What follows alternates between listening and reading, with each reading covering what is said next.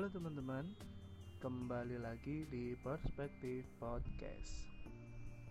Seperti biasa, kali ini saya akan membahas berbagai fakta-fakta unik dan menarik yang mungkin bisa membuka perspektif kalian tentang dunia. Oke, kali ini saya akan membahas beberapa aliran atau kepercayaan agama yang aneh dan unik. Oke, tanpa basa-basi lagi, kita mulai dari yang pertama. Pertama, yaitu agama Googleism. Ya, Googleism adalah uh, sesuai dengan kata dasarnya yaitu Google, yaitu mesin pencari internet yang sering kita gunakan untuk mencari segala informasi apa pun di dunia ini. Nah, ternyata di dunia ada sekelompok orang yang menganggap bahwa Google adalah Tuhan Ya, mungkin karena Google itu banyak tahu ya, apa pun yang kita cari pasti ada aja jawabannya. Oke, kita lanjut. Jadi saat ini ada sebuah situs yang dibuat dikhususkan untuk praktek penyembahan Google. Mereka percaya bahwa search engine tersebut yaitu Google itu adalah Tuhan dan di dalam situs tersebut itu berisi berbagai macam bukti bahwa mereka percaya atau yang mereka kemukakan bahwa Google itu layak untuk dijadikan Tuhan dan ada hari raya tersendiri untuk Googleisme. Wah, aneh sekali ini guys. Ya, hari rayanya emangnya ngapain ini kalau Googleisme? Oke, Salah satu bukti yang mereka kemukakan adalah Google mampu menjawab semua doa dan pertanyaan kita dengan tinggal men-search di Google. Ya, mungkin ini cocok untuk kalian yang masih uh, bingung atau masih galau, mungkin curhat aja ke Google, mungkin tahu jawabannya. Ya, kalau kalian percaya sama agama Googleisme ini sih, oke. Okay. Siapa sih pendiri agama Googleisme ini? Jadi pertama kali Googleisme ini atau dalam bahasa Inggrisnya adalah The Crutch of Google didirikan oleh Matt McPherson. Jadi dia ini adalah seorang yang tinggal di kota Ontario, Kanada di Amerika sana ya. Dan yang menarik adalah mereka tidak menganjurkan penganut agama Googleisme ini untuk menggunakan web browser Internet Explorer. Mungkin kalau uh, penganut agama Googleisme ini pakai Internet Explorer ini dianggap uh, kafir mungkin ya. Aneh bedah. Oke, yang kedua adalah Railsme. Ya, Railsme. Jadi pada waktu itu ada seorang mantan pembalap Formula One. Jadi dia ini e, menyampaikan suatu pernyataan yang tidak masuk, masuk akal. Ia mengaku pernah diculik oleh alien dan diberitahu tentang berbagai macam asal-usul manusia. Dan alien tersebut pula lah yang memberi Cloud nama Rael saat dibawa ke planet nan jauh di sana yang katanya bernama Elohim. Aneh banget ya planet Elohim ya itulah nah Cloud mengaku dirinya merasa terhormat karena pada waktu di sana mereka bertemu dengan berbagai macam tokoh-tokoh keagamaan dan beberapa filsuf terkenal sepanjang sejarah seperti Yesus, Konfusius, Buddha, dan Joseph Smith. Joseph Smith ini adalah pendiri aliran Mormonisme silahkan kalian googling saja Mormonisme ya. Nah Cloud alias Rael juga mengatakan bahwa alien akan datang ke Yerusalem pada tahun 2025 waduh sekarang 2020 berarti kurang lima tahun lagi guys. Kita tunggu ya kedatangan alien guys. Yaitu ada Realisme yang di uh, diperkenalkan oleh Cloud mantan pembalap Formula One. Oke, yang ketiga ini namanya agak ribet ya, yaitu Nuwa Ubianisme. Ya, Nuwa Ubianisme.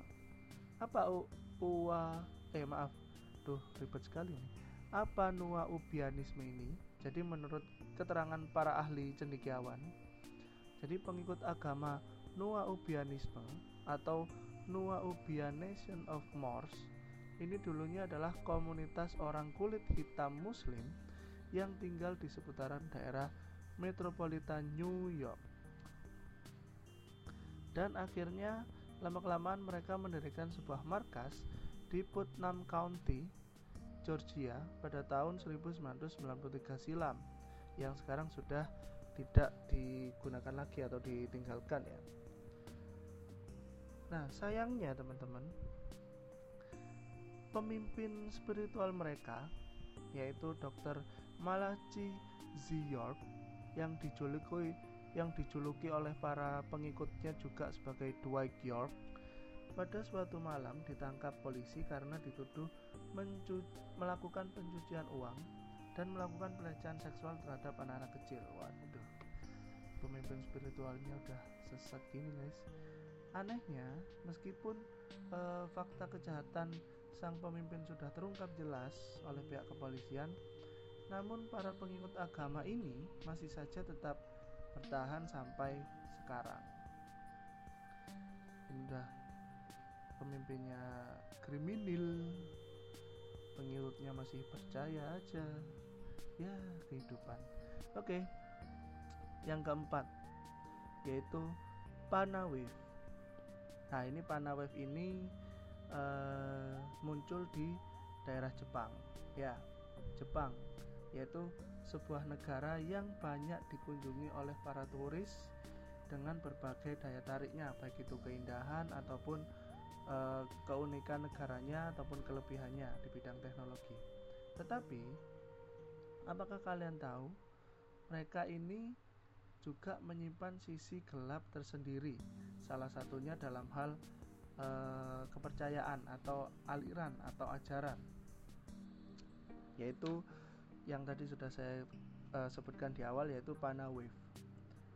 Jika kamu belum pernah mendengar Panawave, saya jelaskan ya. Jadi ajaran ini adalah gerakan yang dirikan oleh sekelompok orang yang cerdas tapi mereka kurang piknik guys ya jadi didirikan oleh sekelompok orang-orang yang cerdas tapi sepertinya kurang piknik. Kenapa saya bilang kurang piknik?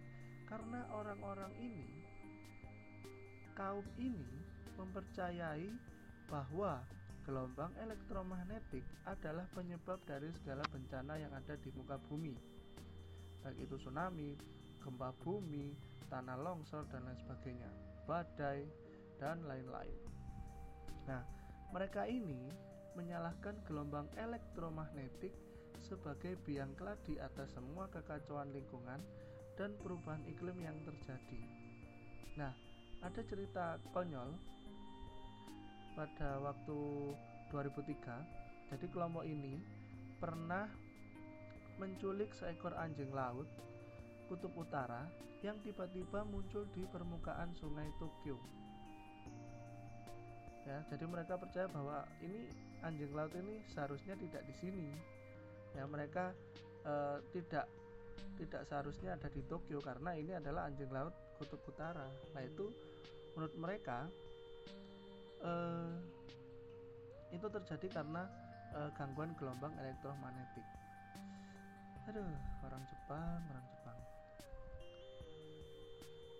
Oke yang kelima yaitu agama alam semesta ya, sama seperti realisme tadi ya jadi agama aneh ini juga terinspirasi oleh kehadiran sosok alien. Jadi kelompok ajaran yang bermarkas di Republik Ceko ini mendasarkan kepercayaannya pada makhluk luar angkasa yang katanya terus berkomunikasi dengan pendiri mereka yang bernama Ivo Benda sejak tahun 1997 silam. Menurut Ivo Benda, alien ini memiliki awak kapal yang sewaktu-waktu dapat mengorbit bumi. Awak kapal ini dipimpin oleh makhluk bernama Astar. Astar ya, bukan Astor. Astor itu snack oke lanjut ya nah Astar ini yang menguasai umat manusia di bumi dan sewaktu-waktu siap mengangkut mereka yang hidupnya baik dan memiliki sifat setia ke dimensi lain. Ya, jadi kalau ada yang ingin bermimpi untuk e, bertamasya keluar angkasa, ya sekarang kan e, banyak ya agen-agen perjalanan yang menawarkan untuk perjalanan keluar angkasa yang e, biayanya mahal. Mungkin ini bisa menjadi alternatif baru. Jadi kalian ikut aja menjadi agama alam semesta. Mungkin aja bisa nanti langsung dijemput sama aliennya. Waduh. Ya jadi mungkin agama baru ini uh, uh, bisa mewujudkan impian kalian teman-teman ya. Nah nama agama aneh ini dalam dunia internasional ya itu dikenal sebagai universe people. Atau ada juga yang menyebut sebagai the cosmic people of light power. Ya itu. Ya kalau kalian pengen uh, ketemu dengan alien tinggal pilih ya agama ini alam semesta atau realisme. Ya tinggal pilih aja lah ya. Kalau pengen oke teman-teman. Uh, saya rasa sudah cukup uh, segitu aja ya pembahasan kita kali ini karena udah nggak paham lagi deh sama orang-orang di dunia yang membuat agama-agama yang ya menurut saya sih halu tapi ya gimana lagi nama juga kehidupan. Mereka mencari ketenangan ya mungkin itulah cara mereka untuk e, membuat hmm, hati mereka atau jiwa mereka lebih tenang dengan menyembah alien ya atau e, apa itu uh, seperti yang tadi menyembah Google ya teman-teman. Nah itu aduh aneh banget orang-orang ini ya. Nah ya teman-teman kira-kira uh, dari berbagai macam agama di situ yang sudah saya jelaskan di atas tadi kira-kira kalian pengen pindah agama yang mana? Pengen pindah agama menyembah alien. Oke terima kasih teman-teman sudah mendengarkan perspektif podcast Sampai jumpa di perspektif-perspektif lain yang mungkin bisa membuka sudut pandang kita terhadap segala hal. Terima kasih, sampai jumpa, bye bye.